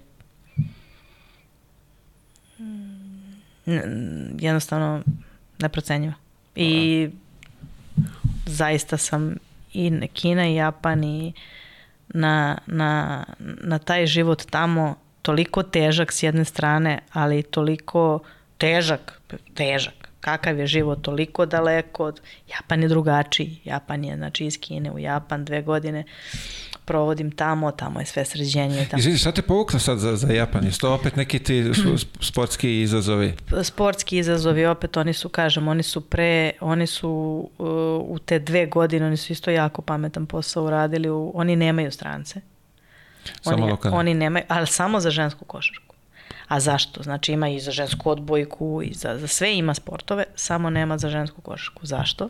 Zato što im je ženska reprezentacija izuzetno kvalitetna generacija i svi ih apsolutno pocenjuju i ljudi nemaju predstave koliko je to kvalitetno tamo i oni su dve, tri godine pred uh, olimpijske igre koje, koje, u, koje su u njihovoj zemlji, koje su u Tokiju, spremali tu generaciju, da kažem, tajno, krišom, onako, i doveli su mene i Lukasa Mondela u ženskoj košarci, eto, ajde, u tom momentu uh, dva u tom momentu, znači pred dve, tri godine, dva neka po njima najozbiljnija CV-a i opet ista priča. I stavili su nas u dva jaka kluba, moje Denso, njegov je Toyota i prosto radite sa našim igračima na jedan vrlo diskretan, jer oni su diskretni, oni su tihi, mirni, radite sa našim najboljim igračima. I očigledno to im je uspelo. Wow. Igrali su finale protiv Amerikanki na, na olimpijskim igrama u, u, u Tokiju. Sada će, se spremaju sve vreme, spremaju se za, naravno, u kontaktu sam. Tamo mi je ostao Vladimir Vuksanović, znači, opet kažem, sve ljudi i ti, opet se vraćamo na, na, na stvaranje trenera i neki ljudi koji potpuno nisu nikad imali veze sa ženskom košarkom. Evo Vladimir Vuksanović, bivši košarkaš, koji skroz iz nekog drugog sveta ulazi u žensku košarku, postaje trener i to u Japanu. Tako da i koji je i dan danas tamo. A, danas imam potpuno nove ljude u reprezentaciji, nova trenerska imena, Filip Benčić, Ljubica Drljača, U20 vodi Daniel Page, Dajana Butulija, Bojan Janković. Daniel Page vodi U20. Tako je, tako je. Bojan Janković, moj, moj saradnik iz 2015. iz Amerike, Daniel Page i Dajana Butulija su tu u 20 bile celo ovo leto, tako da stvaranje trenera, stvaranje trenera konstantno što, što ja smatram svojom obavezom, kao i stvaranje igrača. Eto, i Japan, kažem, Je li ono važi kod njih red, rad, disciplina? Mislim, skačemo s teme na temu, tako je, prosto ne mogu drugačije da a, važi, apsolutno, oni bi trenirali po ceo dan, bez apsolutno ikakvog, ikakvog ovaj, prekidanja. Mislim, to je, to je, to ninja. Da, potpuno fascinantno, uh, tri sata ujutru, tri sata uveče, mislim, jednostavno, Kina isto, Kin, u Kini hoće strašno da rade, ali, ali isto bi trenirali vremenski jako dugo, onda svi to znaju sve moje kolege koji su prošli da ih naučimo da trening ne može da traje 3 sata i tako dalje, tako dalje. Ali ovaj, u Kini još mogu da budu i da imaju neku reakciju, malo emotivniji, lenji, ovakvi i onakvi, ne, negde tu su bliži nama. U Japanu ne. U Japanu su to iste face. Vojska. Emocija bez, nema emocija. Vojska i to je rad, rad, rad, rad, rad. Jedna nenormalna čistoća togo ljudi kao, pa, ko, meni je stvarno ogroman razlog, verovali ili ne, u Japanu čistoća, pa to prija, to, to neverovatno prija za onoj svakodnevnici. Znači, oni su to, toliko je sve čisto. Pričamo o svemu. Hala u kojoj smo trenirali, ona se cakli. Znači, svako jutro, ja ne znam čime oni brišu, prelaze terene i tako dalje. Uživanje, kancelarije, čisto, čisto, čisto. Neverovatno je i koliko ti to, eto, kao je zbog toga. Da, stvarno zbog toga. Da, ali to je od, od, od malih nogu, to je od osnovne škole Tako je. Mora tako, tako se uči. Jednostavno, lep, lepo se osjećaš u tako čiste Čisto ulice, si, da. čisto, sve, sve je baš onako čisto Tokio mi je jako lep grad, mnogo, hvala, dobro sam ga upoznala, iako sam bila bliže na Goji, ja sam bila u Nagoji, ja, ovaj, upoznala sam dobro Tokio, tako da kažem, Kina, Japan, neprocenjivo iskustvo i presrećena sam što, što sam to uopšte mogla da doživim. Uh, malo da se vratimo sad na, na reprezentaciju kako si ti. Uh, tvoja reprezentativna karijera kreće isto od pomoćnika, ali tako? Ti si prvi deo tih mlađih uh, selekcija bila pomoćnik. Jes, ja sam vrlo kratko bila ono 2005. opet još Srbije, Crna Gora, Tunis kad smo osvojili na svetskom smo osvojili srebro. Igrali sa Amerikom finale e, i tu je to još tu par godina kad su krenuli uspesi ušća, pa su me primetili i eto, krenulo je, krenulo je tu, ali ajde, ono što je najupečatljiviji je taj Tunis, bio definitivno svetsko srebro 2015. 11. postoješ selektor, selektor tako je. Uh, 13. rekli smo, dotakli smo se polufinala i 15. je ona godina prekretnice. Da 14. Kažem. svetsko, gde, koje nam je bilo u Turskoj, u Istanbulu, gde smo nesrećno izgubili od Turske u tom momentu domaćina, a, gde, koje je bilo mnogo važno, gde smo odigrali 2014. na svetskom briljantnu kao što svi znamo, mnogo je važno učešće redovno na svim velikim takmičenjima, da se ta nit ne izgubi, jer je mnogo za igrače problematično kada dođe do tog prekida. 2014. smo, kažem, odigrali stvarno briljantnu utakmicu protiv Amerike, a, gde su me, gde su me kolege Aurema, tad konkretno, jedan od najboljih trenera i, i, i njegovi saradnici da me ti, ove tvoje igračice, kad god doćete, dođite u Ameriku, kad god doćete. Uh, Gina Urema, jako, jako, jako ozbiljan, ozbiljan čovek. Um, stvarno su se devojke pokazale u, u, u onako svetlu jednom protiv, protiv eto, USA-a. Uh, I 2015. Budimpešta i, i čudo. Uh, ovde je gost bila i Sonja Vasić i ovaj, dotakli smo se toga da ti s njom nešto imala neke razgovore, ona nije bila deo tih ovaj, okupljanja do 2015. ali tako? Jeste, ona, ona nije bila, ona je imala što znamo svi celu svoju karijeru ovaj, dosta problema sa povredama, teške situacije sa, sa, sa povredama i nekako na tom početku mom od 2011. do 2015. ajde da kažem sve smo se nešto mimo ilazili uh, i nije, nije bila deo toga. Uh, nije mogla da iznese kad god jednostavno, jednostavno kažem imala je, imala je dosta što se tiče njene karijere dosta, dosta teške situacije sa, sa povredama Uh, međutim 2015. kao što uvek kažem, kad sam videla da je taj, koliko je taj tim u tada te mlade devojke, koliko je taj tim u, u nekom zaletu, koliko da to sve ide jednim dobrim putem, da mi treniramo i treniramo i treniramo. I to sve ima smisla i ta 2012. i sve iz godine u godinu što se dešava. 13. to četvrto mesto, pa 14. to sa svetskog prvenstva i gde ja vidim da tu nešto može da bude potajno negde se nadam nečem najlepšem. I to je bilo 15 dana, ja mislim, pred, pred odlazak na evropsko prvenstvo. Ja, ovaj, jeste interesantno. Mislim, shvatim da nam ona dovela sam tad i Daniel Page, napravila sam taj prvi korak stranac u reprezentaciji i jako sam ponosna na to. I na Daniel Page i na Ivon Anderson, ne znam se na koju više. A, I šta su one donele našoj zemlji. A, kažem, ono, okrenem telefon i fali mi, fali mi to nešto da se osvoji ta medalja. A to je naša po najbolja igračica Sonja Petrović. Ja njoj okrenem telefonom i mi se nađemo blizu arene u jednom kafiću i ja njoj krenem priču. Sad mi smo tu, pripremamo se uh, i tako dalje, i tako dalje. I ne znam sad to ona bolje može da kaže šta sam ja pričala, ali ono jednog moment, ona je uopšte nije bilo jasno šta ja hoću od nje. I ona u jednom momentu pita, Marina, čekaj, uh, ti mene pitaš da ja igram na evropskom prvenstvu? Ja rekao, da, da, Sonja, da da igraš na evropskom. I onda je tu bilo, ona već bila na nekom putu sutradan ili taj isti dan trebalo da ide na neki put, koliko se sećam i tražila mi je dva dana da razmisli, zvala, vratila se, hoće i to je to i onda sam bila sigurna da je taj autobus za Budimpeštu na dobrom putu. na dobrom putu. A, ono što me zanimalo, ok, ona se prikriče 15 dana pre početka, devojke su već prošle pripreme, I onda se rekao, je li bilo tu ljubomore, kako su ovaj, ostale reagovale na to?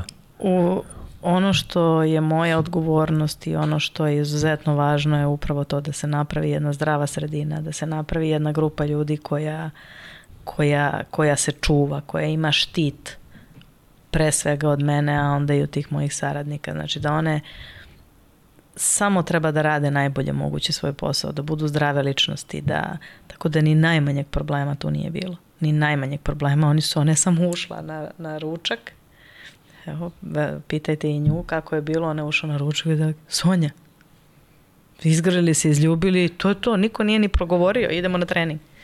I to je tako isto bilo uh, od, od, od te sjajne grupe, znači samo dokazi kako one prihvate. Isto je bilo sa Daniel Page koja posle tri dana na Zlatiboru su oni nju naučili himnu, da peva himnu uh, i ta ogromna stavka dovođenje prvog stranog igrača i tako dalje. To ste da pitam, si imala ti pritisak neki? Kako, nikakav, kako je ovaj... nikakav, ja sam sigurna u svoje odluke i to je stojim iza njih i to je to. I dan danas. Savez odobrio, nisu nešto... Ovaj- Apsolutno, ovaj... jesu. I, I tada i ljudi iz Saveza i danas vezano za Ivon Anderson jednostavno to je bila moja odluka, ja sam se skroz uh, u ovom slučaju sa Ivon Anderson svi su pomogli i, i vlada Republike Srbije kao i svima da svi ovi sportisti, da ono što može da se uradi, da se završe papiri čim pre i da se pomogne jednostavno državi i to je zaista sjajno što, što, što, što je tako i kažem, ono što je samo meni važno u celoj toj priči, sigurno da ima razlike između muške i ženske košarke, ali negde i nema.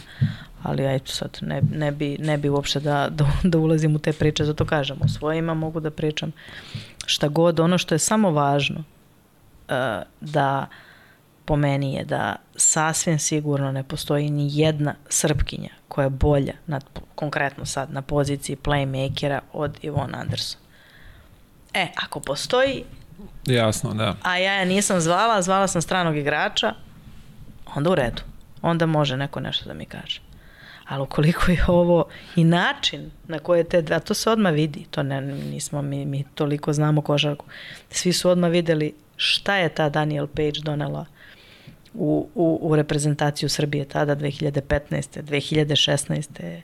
U, na olimpijskim igrama u Riju i ona bronza i št, kol, koliki je bio njen značaj i svi su videli i sada i dan, vrlo važno i ona je dan danas, ona se vratila, ona je vrlo uspešan trener, u Americi na koleđu, ali ja sam je ja pozvala da dođe i da pomogne da dođe u stručni štab naših reprezentacija i da i dalje bude Daca Srpkinja, kao što su je zvali.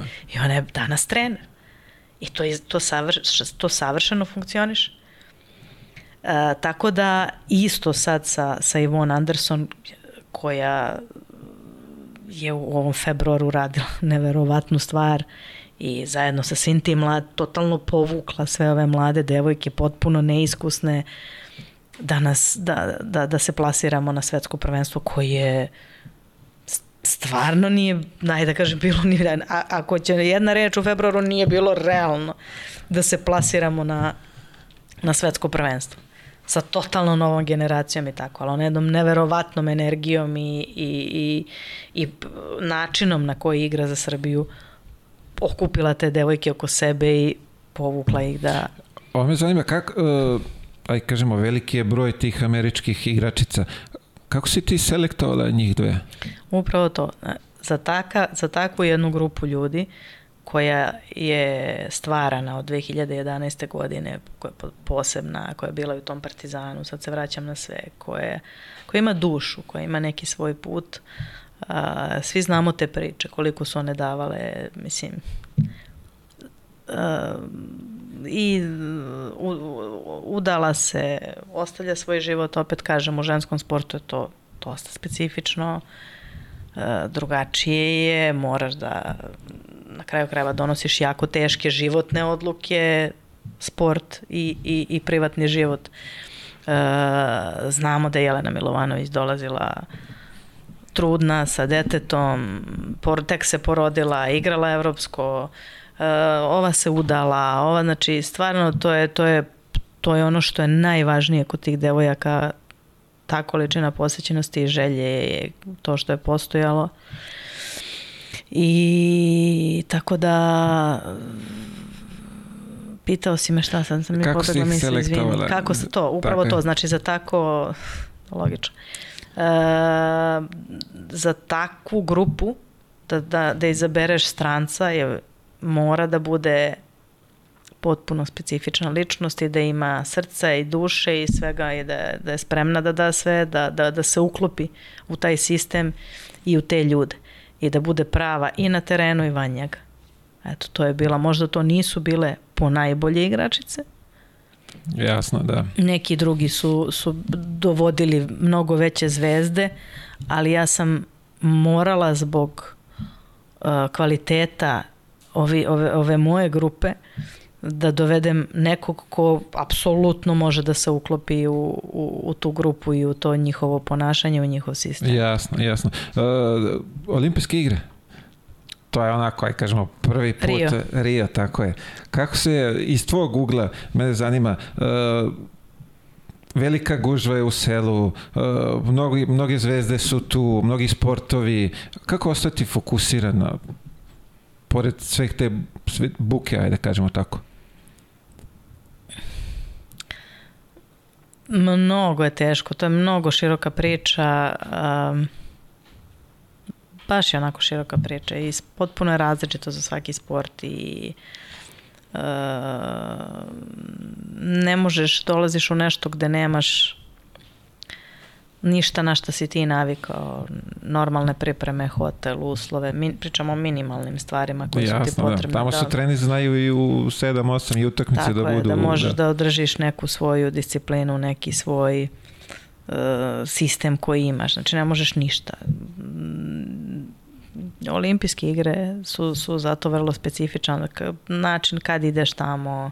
Za svaki sport je drugačija su pravila. Neko ode i sutradan već igrao svoju medalju ide kući. Tako je, da. Mi iz košarke smo dugo tamo. To postane dosta dugačko, dosta naporno. Uh, mislim, olimpijske igre, kažem, jako, jako široka priča, ali jednostavno mesto gde sve na šta si naviko i sav sistem koji ti imaš i držiš na bilo kojim tvojim pripremama inače za evropsko prvenstvo, za svetsko prvenstvo, rad tvoj u klubu, bilo gde, ne može ni sa čim da se poredi. Jednostavno sve to pada u vodu i ti imaš dosta improvizacije, uh, da li možeš da držiš igrače na okupu, ne možeš i tako dalje. Mnogo, mnogo, mnogo, mnogo, mnogo izazovno i mnogo teško. Za pripremu sportista, za nas trenere da pripremimo sportista. Jasno, jasno, jasno. Uh, Španija, op si rekla da otišli ste kao outsideri, a vratili se kao šampioni.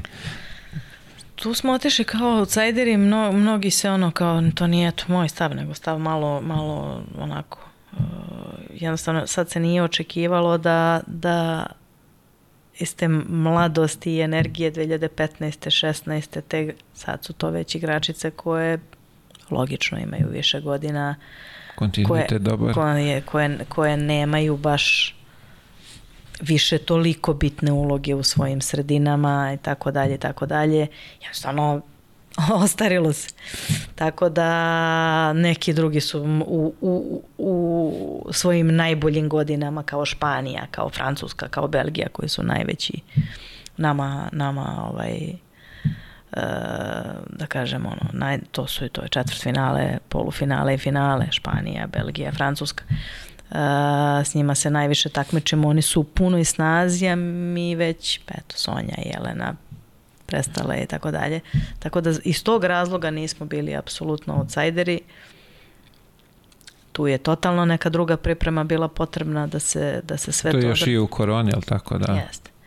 Da se sve to odradi. Jedna potpuno druga priprema, jedna totalno drugi psihološki pristup grupi i igračima, a, gde smo mnogo dugo zajedno već, svi sve znamo, a, objasniti timu da mi zaista opet možemo da budemo prvi od prvog dana pripremaca, ne verujem da iku to verova i tako dalje. A, tako da strašno, strašno izazovno Dobro se završao. A, reci mi, ovo sporno... Najbolje, najbolje se vidi, najbolje se to vidi na utakmici protiv Italije. To se najbolje vidi na utakmici protiv Italije. To je prva naša utakmica tamo i mnogi ljudi su je vraćali gledali ponovo i treneri iz raznoraznih zemalja. Na toj utakmici se videlo sve. Videlo se da, da, da je tu definitivno jedna strašna generacija, ali koja više logično nije to što je bila. Uh, I da smo tu utakmicu izgubili, tu prvu utakmicu koja treba pogledati sami kraj. Uh, ko zna šta bi bilo. Ko zna šta bi bilo, ali jednostavno tu utakmicu smo dobili i odatle onako smo krenuli. Da, da, pa, smo krenuli da radimo svoj posao jer imamo iskustva sa velikih takmičenja i iz utakmice utakmicu kao i uvek polako, mirno iz utakmice utakmicu i završilo se lepo. Ono što me zanima, uh, onaj sporni moment sa, sa, sa Fra, uh, Španijom, žene, pred kraj utakmice. Svima je bio sporni moment. Ali kako, kako ti doživljaš u tom momentu? Mislim, ne znam da, da li ima, u, verujem, nemaš u tom momentu, ne mogu da ti kažu šta se tačno, ti nemaš onaj kao sad challenge da, da, da vrate, da, da vidiš, ali... Mirno. Sećam se tog momenta samo te, ono što je najvažnije u svakom momentu da imaš, naravno, ono što je najteže, da imaš svest. Da sam sa sobom možeš da iskomuniciraš. Ja se sećam samo tog momenta i tada kao vidiš neku veliku nepravdu i sad možeš da da praviš scene, da, da, praviš, da, da histerišeš, da praviš tehničke, da ja znam sam pogledala pravo. U, eto, ajde da kažem tamo, ako samo sam pogledala pravo ispred sebe i samo Marija ne prihvati to. Tako je bilo i sa Belgijom. E, to je ono što, što, što mislim da je, da je izuzetno vredna stvar i kao što rekoh najteža stvar i igrača i trenera i svih ljudi da u tim nekim momentima pitanja života ili smrti da ostaneš miran i da imaš kapacitet i sposobnost da iskomuniciraš sa sobom. I da imaš, to se zove samo kontrola, verujem. I te, ti to treniraš? Imaš neke ne. vežbe, nešto? Ne, ne? N nemam. Ja to ne, nemam. Aj, kažemo ovaj tvoj uh, ice face, jel to ima glume ili... Nema, nema. Stano sam dobra glumica. Mora, vrlo, vrlo moguće ću to pokušati nekad kasnije. Dugo sam se bavila, ali stvarno jesam i obožavam pozorišta i pozorište, ne film. Mi onako, za filmove baš i nemam puno vremena, ali, ali uh, toliko vapim za beogradskim pozorištima da, da, da to, kad, kad mi nešto ono je, bukvalno mi suze na oči idu da što ne mogu da idem da gledam predstavu. Ovaj, koliko cenim i poštojem i naše glumci, generalno volim pozore, volim pozorište u Parizu i naravno i ali ove E, nekako užasno, naše, naše. užasno respektujem naše glumce i mislim da, da, da, da strašan dar imaju.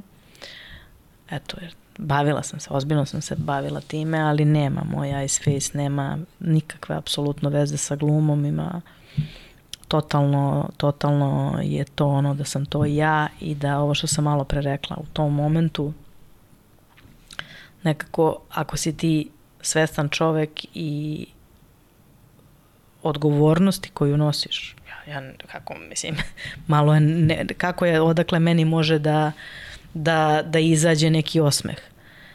Nije, ne, ne, nekako mi ne bi bilo prirodno.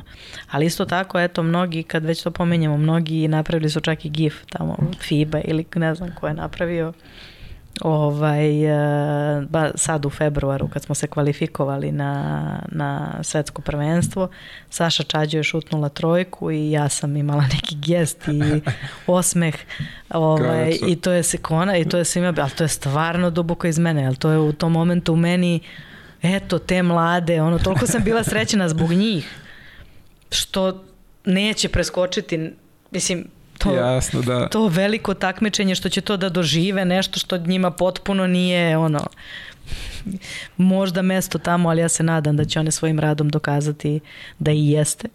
Svakako im to želim i svakako ću se potruditi da tako bude i da i one mogu nešto sutra da naprave, ali kažem, eto, to je dokaz koliko je to sve iskreno. Tad kažu da su prvi put videli u meni neku strašno veliku ono, reakciju sreće, pokret i osmeh.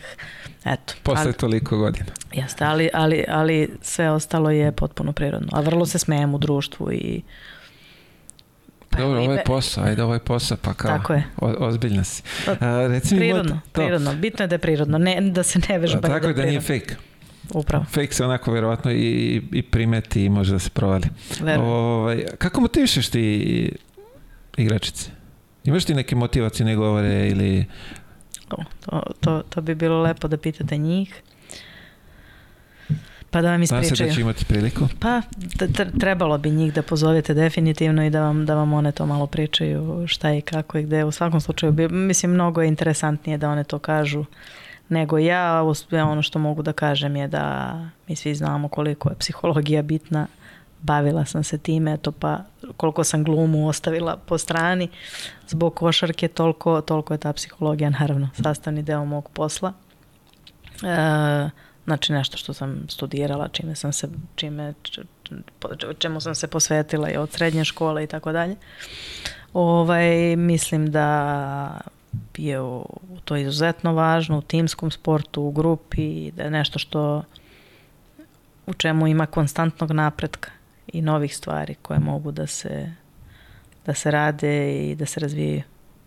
Uh, vidiš li ti sebe u muškoj košarci? uvek sam odgovarala ono bez problema.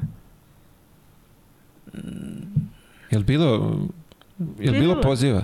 Bilo je poziva, bilo je poziva, ništa nije bilo uh, sad ono toliko ozbiljno i toliko privlačno da, da bude da ja krenem za tim, jer pričala sam malo pre kako svaka, svaka neka ta priča imala to nešto što me neverovatno vuče i da, da ja od, bez razmišljanja idem u hemofarm, idem u, idem u kinu, idem u... Nako, nije, nije svaki dašnji put, sigurno. Um, tako da mislim da je, da je, da u celoj toj priči zaista ključno znanje i to je sve. Pa vidim tamo u, u Americi već sad, evo, San Antonio ima prvi pomoćnik je nekako otvara se to, malo je sad ovaj... Pa... Ne, zna, znaju se tu moji stavovi, ja tu niti, niti volim da pričam o nekom nemanju, pa radim sve suprotno. E, opterećena sam da se bavim ženskim sportom, košarkom, a i ženskim sportom, sa svim ovim što radim, da li je to reprezentacija, da li je to klub, i u svojoj zemlji pre svega, ali i u drugim zemljama, e, u E, promocije tog ženskog sporta u svakom smislu, tako da nemam vremena da razmišljamo o nekim, o bilo kojem me, da li smo krenuli, da li smo... Ne, ja sam u takvom drilu svaki dan i u radu oko tog ženskog sporta da nemam vremena da gledam na neke loše stvari, da li je to prva, da li je krenulo, da li je... Ja to, ja to uopšte ne gledam. Opet kažem, mislim da bez problema uh, a, bilo koja stručna žena koja ima znanje može da vodi i muški klub, muški klub šta god. Tako da to je to. Da li ću to raditi, ne znam. Da li je to moj put, vidjet ćemo možda, možda jeste, možda nije. Uopšte se ne opterećujem time. Ako sutra bude bila neka, samo znam da neću reći, e, neću u mušku košaku, sasvim sigurno. Ako sutra bude bila neka ponuda koja je izuzetno privlačna i gde ja osjećam ovu, ovo što osjećam, u svim ostalim dalje reprezentacije ili moji klubovi, bez problema ću početi to da radim. Jasno. Uh, neki najteži moment u, u karijeri? Najteži moment. Pa Tokio sa četvrtom mesto mi je bilo izuzetno teško. Bilo mi je teško jer uh, koliko god da sam, koliko god da sam znala da je, kaže mi, ta pobeda nad Kanadom i Korejom i Kinom, to su toliko, iako je narod ne, nije svestan koliko, Apsolutno šta je to, da. šta je to. Evo, malo pre sam rekla da je ta Kina po meni mora da igra finale sa Amerikom. To je toliko kvalitetna reprezentacija. Da je to bukvalno strašno u ženskoj košarci.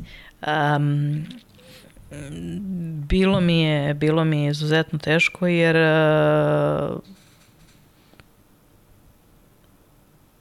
kažem, koliko god da je realno da smo osvojili zlato, da je bila da je bilo i covid sa Sonjom Vasić i ne, totalno neka po prvi put situacija za žensku košarku takva da igraš evropsku, pa 20 dana posle igraš, ideš na olimpijski igre, nelogičnosti i neče, nešto što mi u košarci ne znamo, ajde odbojici se to, kod nas se to nikad nije radilo Tako se. je, da.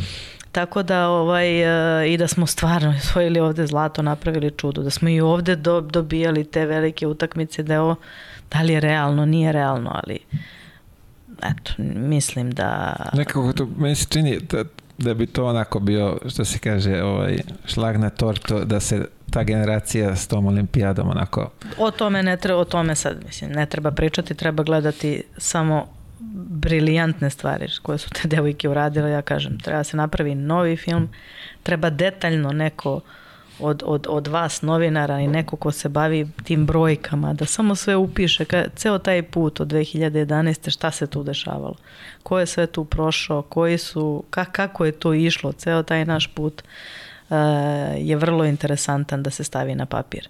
I kažem šta su one uradile i koliko, koliko su one promenile svest i o ženskoj košarci u ovoj zemlji i šta je urađeno i koliko je tu bilo rada, volje, trude, svih onih najlepših stvarno osjećanja svih nas koji smo u sportu, pobeda i svega toga, ali pitali ste mene lično za, za eto neki moment, meni to nije bio ok moment, naravno. I mislim jer je bilo i nekih ranije, ali hvala Bogu ne mogu puno da ih se setim. Bravo, super. Uh, savet za, za mlade. Šta bi im ti posavetovala sa, sa svojim iskustvom? Kako bi i šta bi trebali?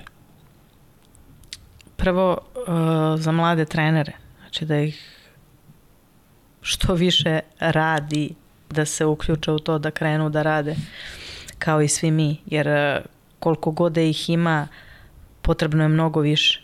Evo ja ovde pozivam, znači što se tiče instituta za ženski sport, to su znači svi sportovi, rad sa devojčicama i odbojka i futbal i košarka, sve. Uh, imamo apsolutno sve, imamo sajt, imamo Instagram, sve da sve može da se vidi i pokret za žensku košarku. Znači ja ovim putem pozivam sve ljude, mlade trenere da se jave, da li su muškarci ili devojke, naravno potpuno sve jedno, uh, jer želim što više mladih ljudi, mladih trenera da animiram u svakom momentu, da im se pruži šansa i tako dalje. Tako da mislim da je to izuzetno važno. Nekako, naravno, za početak, evo, pomenuli ste i vi da nedostatak novih lica, mladih, stručnog kadra, mi, da, apsolutno. Znači, prvo to, prvo da, da, da smelo krenu, jave se. Znači, prvi korak. Prvi korak, da smelo krenu, da se jave, da, da ih edukujemo, evo već u ovom sistemu instituta i pokreta gde apsolutno imamo već model kako se počinje sa trenerskim poslom.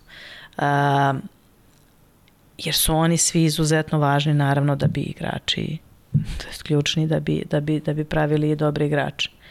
Tako da meni je to, meni je nedovoljan broj trenera i muških i ženskih, uh, naj, naravno najviše znamo o košarci, ali evo kroz institut se upoznajem i u svim drugim sportovima da fali trenera.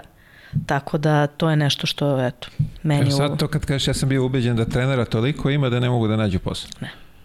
Ne. Nama fali trenera. Nama fali evo, bukvalno javno pozivam sve trenere da dođu sa svojim školama, licencama, diplomama uh, i u Institut za ženski sport i u pokret za žensku košarku i da će sasvim sigurno dobiti priliku da se da razgovaraju sa, sa, sa, sa ljudima koji to vode i fali nam, fali nam trenera svuda.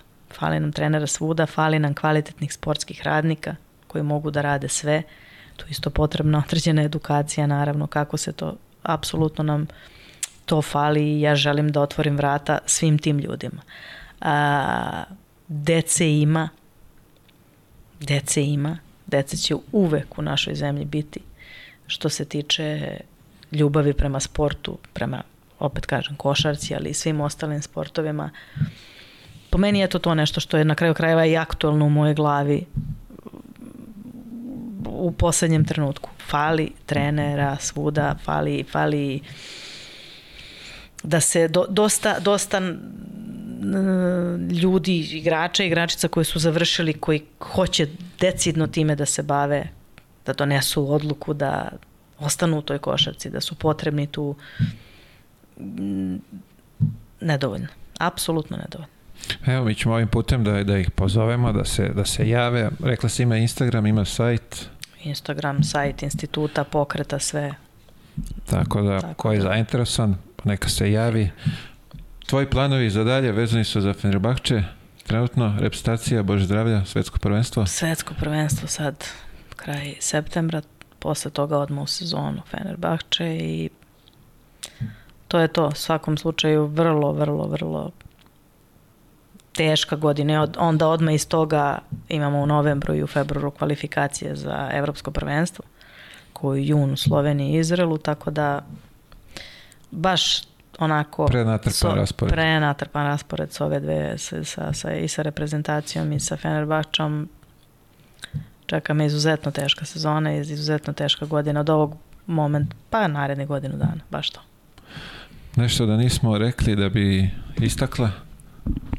Mislim da je bilo sve pod tvojim vodstvom savršeno. Uh, hvala ti puno za, za izdvojeno vreme. Želim ti pre svega sreća sa reprezentacijom na svetskom prvenstvu, posle toga i, i klubsko, da doneseš više tu željenu titulu u Fenerbahče. Ili organizujete Final Four ponovo ili? Mislim da ću reći da ne. nikako. Da ne maleriš. Nikako, nikako domaćinstvo.